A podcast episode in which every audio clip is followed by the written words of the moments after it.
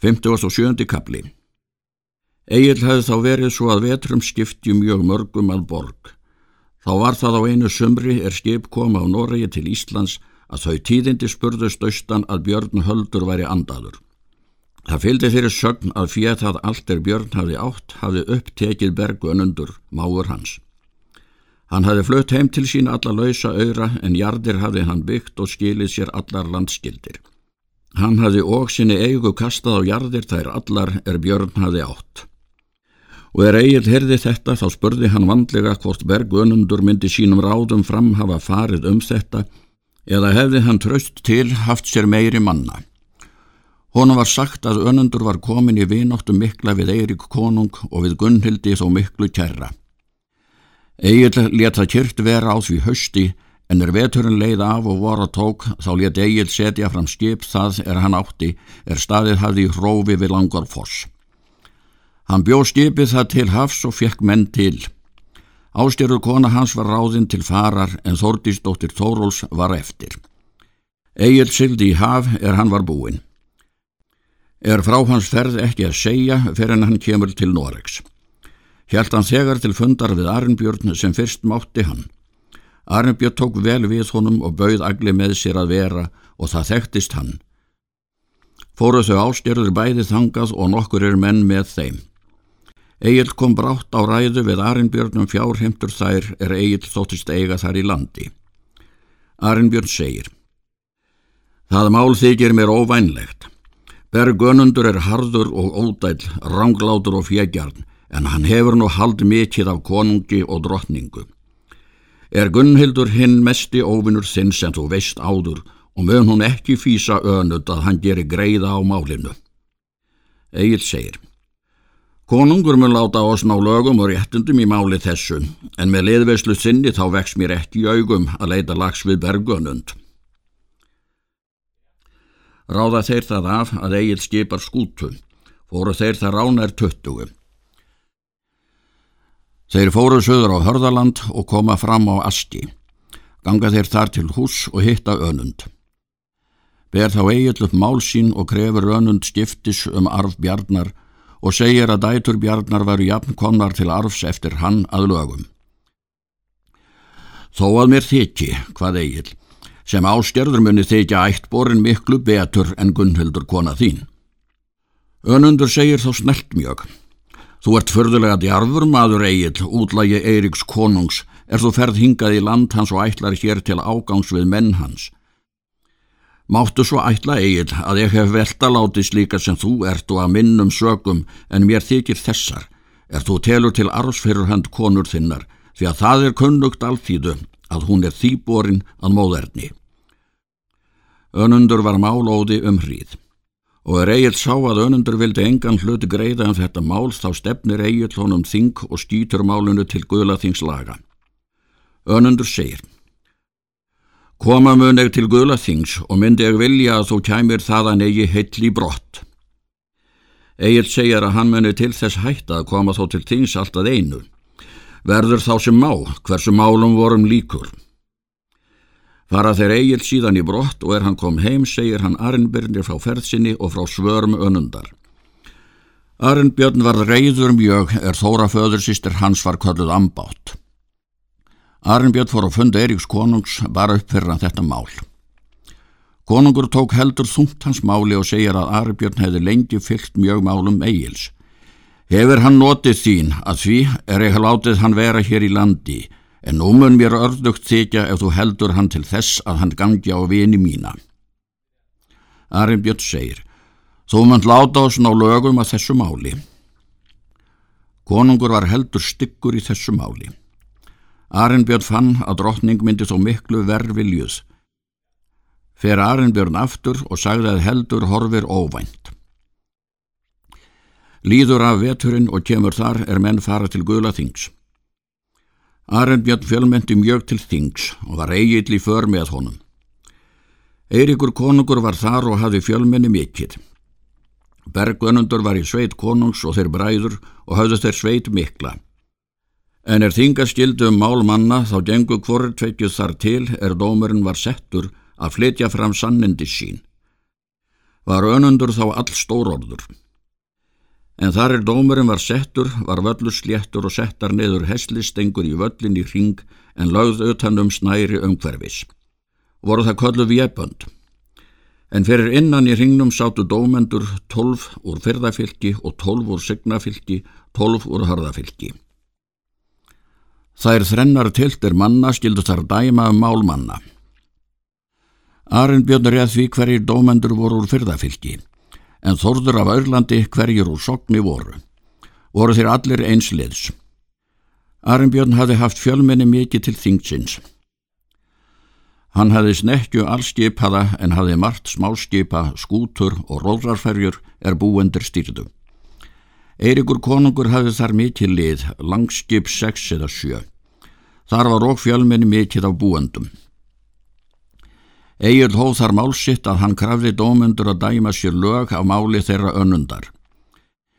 Endi hann þá upp hver sannindi hann hafði í tilkalli fjár þess er áttæði Björn Brynjólfsson.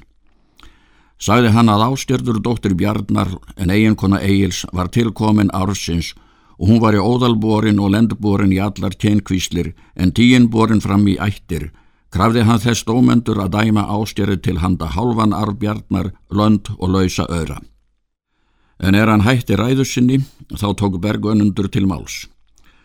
Gunnhildur, kona mín, sagði hann, er dóttir Bjarnar og Ólafar þegar konu er Björn hefði lögfengið. Er Gunnhildur réttur erfingi Bjarnar. Tók ef fyrir þá sög upp fjett að allt er Björn hafi átt. Að ég vissi að svo ein var dóttir Bjarnar önnur er ekki átti arfað taka. Var móður hennar hernumin en síðan tekin frillutæki og ekki að frændráði og flutt land af landi. En þú, Egil, ætlar að fara hér sem hvarvetna annar staðar þessir þú hefur komið með ofkapp þitt og ójafnað. Nú menn þér það ekki tíja því að Eirikur konungur og Gunnhildur drottning hafa mér því heitið að ég skal rétt hafa af hverju máli þar þeirra ríki stendur yfir. Ef mann færa fram sönnvitni fyrir konungi og dómundum að Þóra hlaðhönd móður ástjörðar var hér tekin heimann frá Þóris bróður síns og annað sinn af Örlandi frá Brynjólfs. Fórum þá að landi á brott með vikingum og útlögum konungs og í þerri útlegð gáttu þau björndóttur þessa ástjörði. Nú er förða að um eigil er hann ætlar að gera ómætu öll orð Eiríks konungs Það er fyrst er þú eigil hefur verið hér í landi síðan er Eiríkur konungur gerði þig útlægan og það þótt þú hefur fengið ambátt að kalla hana arfgenga. Vil ekki þess krefja dómendur að þeir dæmi mér allan arfbjarnar en dæmi áskerði ambátt konungs því að hún var svo getinn að þá var fadir hennar og móður í útlæð konungs. Þá tók Arnbjörn til máls. Vittnimunum við frambera Eiríkur konungur til þess og láta eigða fylgja að það var skilið í sætt þeirra Þóris föður míns og Bjarnar Hölds að áskerður dóttir þeirra Bjarnar og Þóru var til arfs leitt eftir Björn föður sinn og svo það sem yður er sjálfum kunnut konungur að þú gerðir Björn ílendan og öllu því máli var þá lögt er áður hafi milli staðið sættarmanna. Konungur svarar ekki skjótt máli hans. Þá hvað eigill? Því borna hver þorna, þorna reið áar horna, síslir hann of sína, síngerindu önnundur mína. Nadd hristir ág nesta, norn til arfs of borna, þykku auða konr eiða, eiðsart est hatt greiða. Arnbjörn let þá frambera vittnesspurðin tólf menn og allir vel til valdir og hafðu allir þeir hert á sætt þeirra Þóris og Bjarnar og böðu þá konungi og dómundum að sverja þar eftir. Dómendur vildu taka eigða þeirra ef konungur bannaði eigi.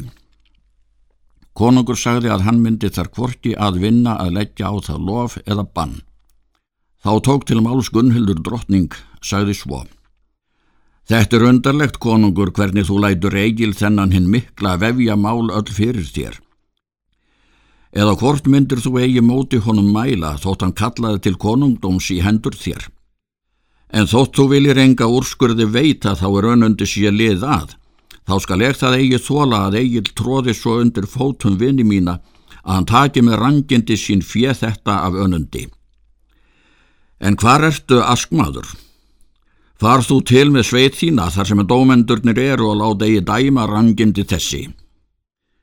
Síðan hljópa askmaður og þeir sveitungar til dómsins skári í sundur vjeböndin og brötu niður stengurnar en hleyfta á brötu dómöndum. Þá gerðist þess mikill á þinginu en menn voru þar allir vopplausir. Þá mælti Egil, hvort mun bergun undur heyra orð mín. Heyri ég, sagði hann.